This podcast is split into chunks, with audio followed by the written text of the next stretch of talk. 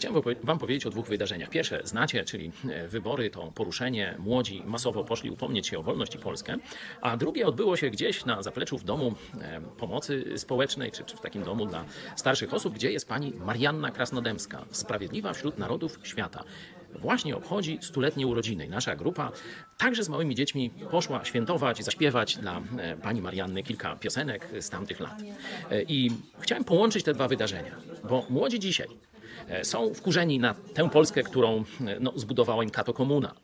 E, I nie czerpią z dorobku starszych pokoleń. A chodzi mi po głowie, żeby połączyć to.